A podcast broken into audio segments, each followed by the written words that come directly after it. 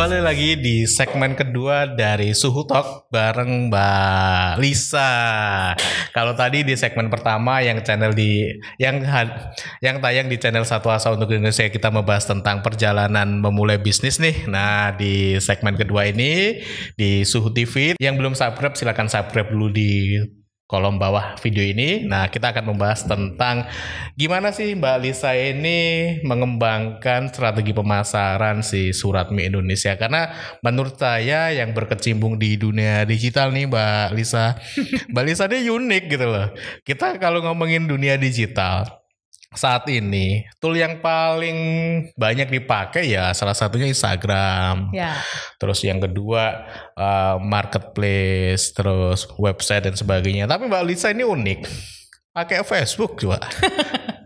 Kok bisa gitu pakai Facebook sehingga kalau kita lihat pasarnya, lihat dari uh, yang ini ke produksi surat Indonesia ini cukup bagus juga gitu loh. Saya pengen tahu nih rahasianya apa? Siapa sih yang dikerjain sama Mbak Lisa di Facebook, Facebook ini? Pertama adalah uh, pencitraan. Pencitraan. pencitraan.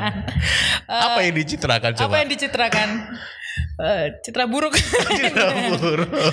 uh, pada dasarnya uh, Facebook hmm. itu kan uh, memberikan kesempatan kita untuk menuliskan sesuatu, menuliskan hmm. cerita yang hmm bisa sepanjang-panjangnya di situ. Betul, betul. Tetapi panjangnya seberapa itu pastinya ada batasan karena kalau terlalu panjang orangnya akan bosan juga. Betul, gitu. betul. Jadi kita uh, bagaimana caranya kita bisa uh, menggiring customer, kita hmm. bisa mengajak customer hmm. agar enjoy membaca. Hmm. Nah, apa yang membuat customer enjoy untuk membaca adalah salah satunya tentang kehidupan sehari-hari yang hmm. ringan-ringan saja disertakan humor-humor segar yang jadi mereka nggak ngerasa kalau kita tuh sebetulnya sedang pencitraan atau personal branding meskipun hmm. itu pada akhirnya nanti jualan juga tapi hmm. mereka tidak terasa bahwa kita sedang uh, uh, menawarkan sesuatu atau produk.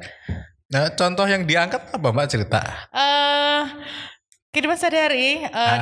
salah satu contoh adalah uh, ketika kita pernah ya kita suatu hmm. hari. Uh, melakukan perjalanan ke suatu hmm. tempat kemudian hmm. ada sesuatu hal yang lucu hmm. yang bisa kita bagi ke customer kita hmm. ya itu saja kita tuliskan ber uh, kita sertakan juga humor-humor segar yang uh, customer itu bikin customer itu nggak bosen dan tetap mau untuk membaca. Jadi sebetulnya kalau ngomongin uh, Facebook atau akun media sosial mm-hmm. lain, kalau teman-teman basically kan sebetulnya konten nih apa yang dikerjain Mbak Lisa ini kalau mm-hmm. saya lihat di Facebooknya Lisa Pravita mm-hmm. gitu, cari aja teman-teman di Facebooknya Lisa Pravita Suratmi Indonesia. Mm-hmm. Sebetulnya beliau ini ahli konten kalau saya lihat. kalau pembelajaran saya di sosial media gitu ya sebenarnya ahli konten yang mungkin nggak disadari sama Lisa bahwasanya apa yang beliau tulis di Facebook ini keseharian yang dia imbangi dengan storytelling yang baik sehingga pada akhirnya menggiring menggiring siapa menggiring para teman-temannya untuk ikutan berinteraksi dan yeah. pada akhirnya bisa menjual produk ya di situ. Yeah. Jadi teman-teman kalau mau ngomongin konten sebenarnya basically uh, cerita keseharian bisa diangkat begitu Mbak Alisa ya kira-kira. Dan jangan uh, takut kita terlihat jelek di uh, hadapan netizen karena uh, uh, netizen itu juga manusia, dia bacanya pakai hati. Jadi ya jangan terlalu buang-buang banget lah dari kehidupan kita sehari-hari. Kalau kita emang orangnya lucu, orangnya konyol, uh. tonjolkan. Kalau kita uh. memang orangnya serius, kita uh. tonjolkan. Jadi uh, sesuai dengan kita sehari-hari itu yang kita pertahankan. Ah, sih. Jadi ya unik juga karena biasanya kan kita di sosial media ini rata-rata kan pencitraan nih. Nah. Siapa kita gitu ya. Siapa kita. Terus di sosial media menjadi sopo gitu kan jadi lebih wah dan sebagainya. Rata-rata gitu tapi Mbak Mbak Anissa ini enggak gitu loh. Kalau lihat Facebook saya ah. di situ yang saya kelihatan cantik kelihatan emang dasarnya nggak cantik ya. cantik lah Itu hanya uh, sekian persen. Yang ah. saya kelihatan uh, sangat-sangat serius sangat Wow gitu hanya uh. sekian persen Selebihnya ambiar semua I see Terus apa nih uh, rahasianya dari dari story, storytelling itu? Uh -uh. Kok bisa mengarahin orang pada akhirnya bisa beli produk gitu pak uh, itu kemampuan lah ya kemampuan, kemampuan apa itu ayo coba saya pengen tahu nih pengen apa ya? belajar ya? nih sebetulnya ini uh, apa ya jadi uh, pinter-pinternya kita ah. mengolah uh, memilih kata-kata atau mm -hmm. uh, mengolah sesuatu menjadi saya juga bingung sebetulnya mm. Ke, uh, agar uh, calon customer itu mm. bisa langsung oh ini surat mi oh begini begini begini jadi ketika mereka membaca storytelling kita mereka melihat video mm. yang kita unggah mm. itu mereka bisa langsung uh, top of mind mereka adalah surat mi Indonesia dan itu sebetulnya sangat mudah, hanya perlu latihan. Ya dari sehari-hari itu saya juga masih bingung. Makanya saya, saya sebetulnya pengen belajar nih. Uh, saya belajar banyak konten gitu ya, banyak uh, belajar copywriting, belajar bikin uh, konsep AIDA di setiap konten gitu. Tapi patah sama sama ini kerjain sama Mbak Lisa ini. Dan dengan konsep kesederhanaan aja bikin uh, storytelling ini rupanya. Coba deh teman-teman uh, uh, buka uh, Lisa Pravita nggak kak saya kunci kok. Jadi uh, semua orang bisa baca. Iya, uh, uh, nanti pada akhirnya akan mengetahui oh begini saya sendiri kalau suruh uh, menjabarkan bagaimana bagaimana hmm. kuncinya atau pokoknya itu juga bingung sebenarnya. Tapi kalau sudah baca apa yang saya tulis, oh seperti ini, oh seperti itu. Jadi kalau aku nilai dari ini masuk ke teori nih, ini bagianku ini bagian teori. Iya. Bagian teori apa yang dikerjain dari Mbak Lisa ini kalau ngomongin konten itu ada konten tujuannya untuk awareness, yeah. untuk brand image sama yeah. untuk selling kan seperti yeah. itu. Nah, yang dikerjain Mbak Pravita ini lebih banyaknya untuk image ya nih. Yeah. Nah, oh, masuk dalam ke ke sana sehingga si Auden ini dengan tidak sengaja wah si surat ini memang layak untuk di dimiliki gitu. Dengan dengan kekonyolan keseharian. Jujur aja ceritanya cerita cerita kesehariannya beliau nih uh, ngerjain apa dan sebagainya. Ya, betul. nah teman-teman aku pengen tanya lagi nih ke Mbak Lisa. Ngomongin Facebook itu kan sebetulnya ada banyak fitur yang bisa dipakai nih. Hmm. Mbak Lisa pakai apa sih sebetulnya yang paling banyak dipakai di Facebook ini? Enggak pakai fitur apa-apa. Hanya akun. Hanya akun. Murni akun. Betul. Uh, saya fanspage fan, uh, halaman saja nggak nggak maksimal jadi murni akun pribadi uh -uh. yang dibangun sedemikian rupa sehingga uh -uh. bisa mendatangkan customer-customer yang menyenangkan. I see. Mbak Lisa kalau di akun itu uh, nyari milih nggak sih sebetulnya milih nggak sih teman karena kan hmm. basis akun Facebook ini ya. pertemanan nih ya. nah milih nggak uh, temannya uh, yang memang misalnya sesuai dengan target market atau enggak gitu oh beberapa ya jadi uh. Uh, cerita ya uh pada awal mula saya uh, surat Indonesia itu hmm.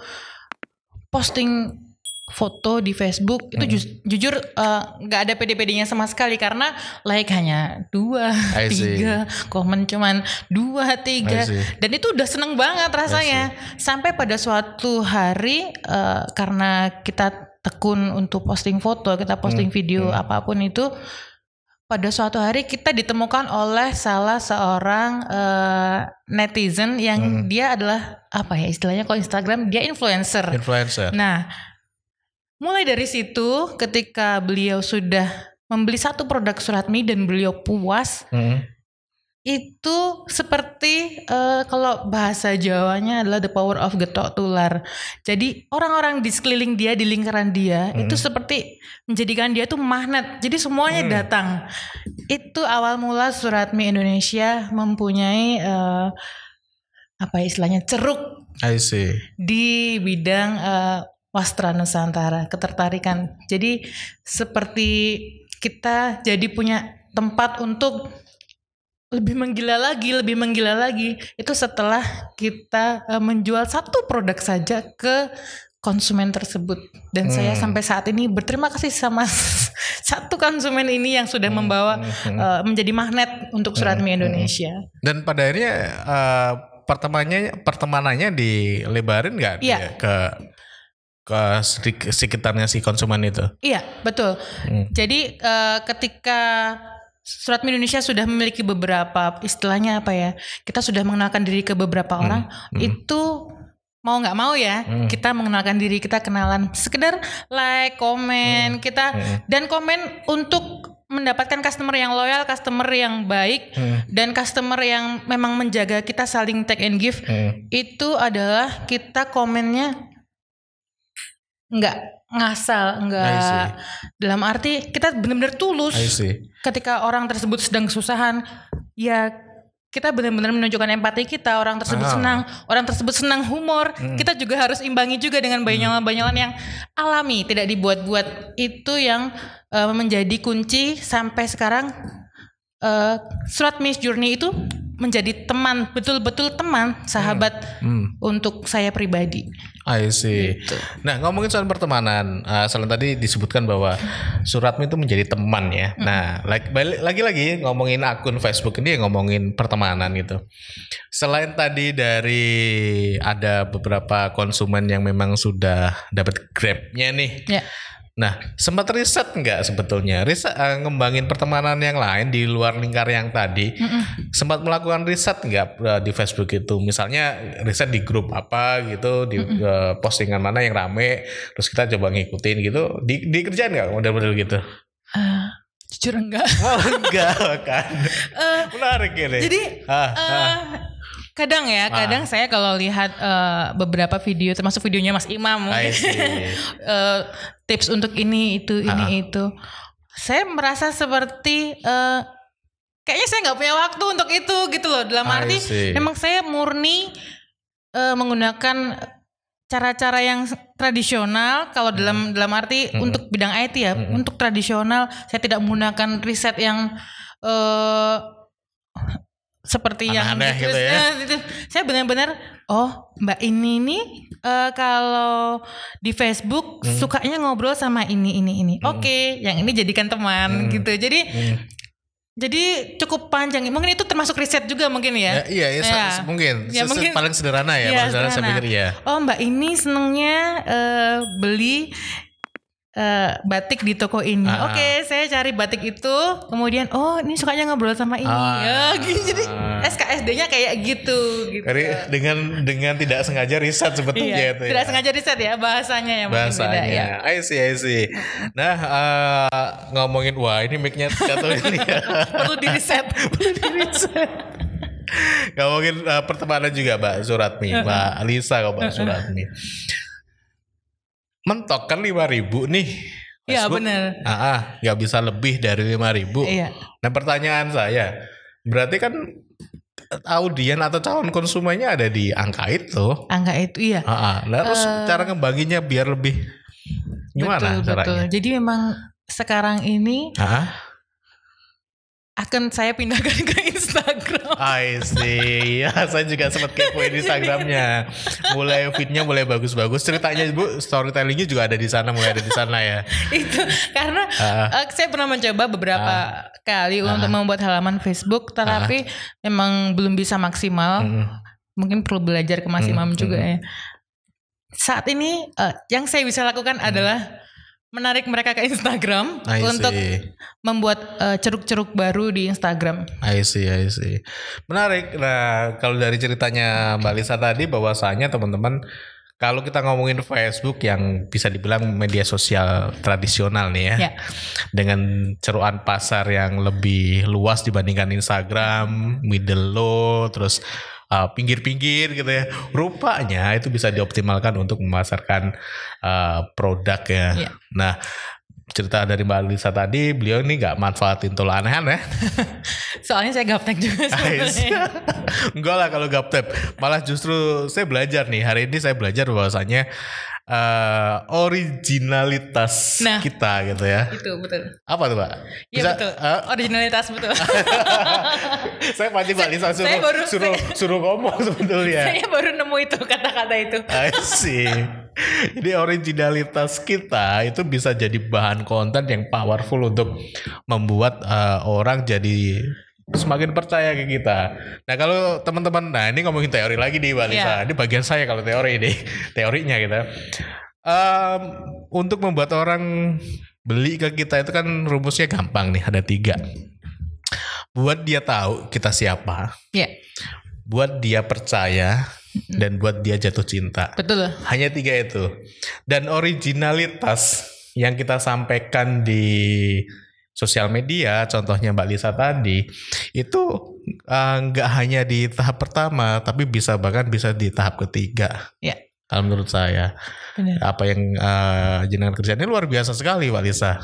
Bisa dibagikan ke teman-teman.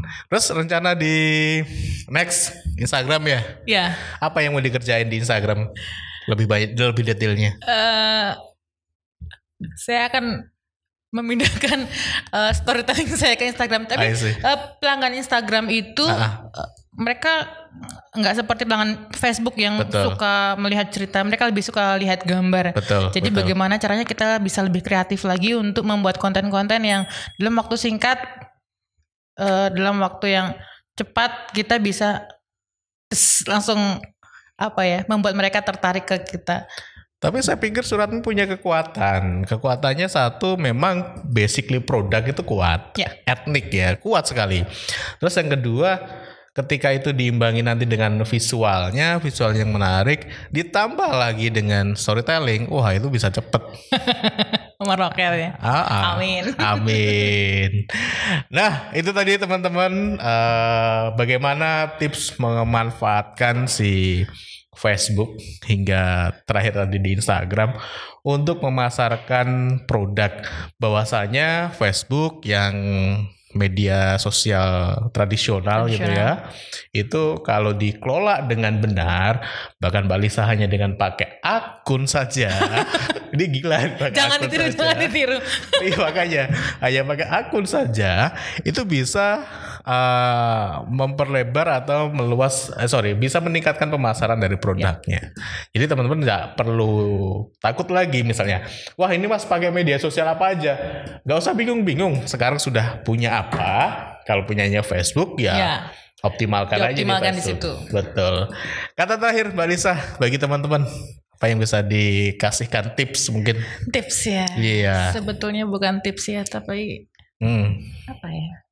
Sekedar eh, pesan untuk teman-teman Ah. semuanya yang sedang giat-giatnya untuk memulai usaha, apalagi sekarang di pandemi seperti ini, kuncinya adalah eh, kita jangan pernah berhenti, jangan pernah mikir yang enggak enggak pokoknya jalanin aja jalan, jalan, jalan dan jalan. Mm, mm, mm, mm. Yang ada di surat Indonesia ya hanya itu karena Hmm. memang eh kita nggak bisa kesusu ya kalau masalah rezeki kita juga mau kejar seperti apa kita nggak bisa I see. eh, eh, kalau Tuhan udah ngomong enggak ya pokoknya enggak sekuat apa pun Hmm. rasa kita sekuat apa pun kata-kata kita kalau Tuhan udah berkehendak ya kita harus ikuti itu yang Betul. paling penting adalah satu hatinya dibuat senang I see. kedua konsisten yang ketiga ya udah pasrah aja Pasrah aja. nah betul. Saya sepakat Mbak, pasrah aja. Tapi basically tetap melakukan sesuatu Iya, kan. betul. Pasrahnya bukan tidur-tiduran. I Benar. terima kasih Mbak Lisa Pravita dengan surat mi. Wah ini udah minta pulang ini. Dengan surat mi Indonesianya semoga surat mi Indonesia semakin berkibar lagi amin semakin amin. gede terima lagi. kasih terima kasih. Oke teman-teman itu tadi obrolan saya dengan Mbak Lisa Pravita di Suhu Talk episode kedua. Nah nantikan teman-teman episode-episode berikutnya karena kami akan menghadirkan suhu-suhu yang lain yang tentu saja akan banyak inspirasi yang bisa diangkat seperti tadi inspirasinya dari Mbak Lisa Pravita dengan Surat Mi Indonesia. Pastikan teman-teman sudah subscribe ke channel Suhu TV dan juga channel Satu Asa untuk Indonesia karena akan ada dua video setiap episodenya satu tayang di Satu Asa untuk Indonesia dan yang kedua tayang di Suhu TV kita jumpa lagi di episode berikutnya. Saya Mam Safi terima kasih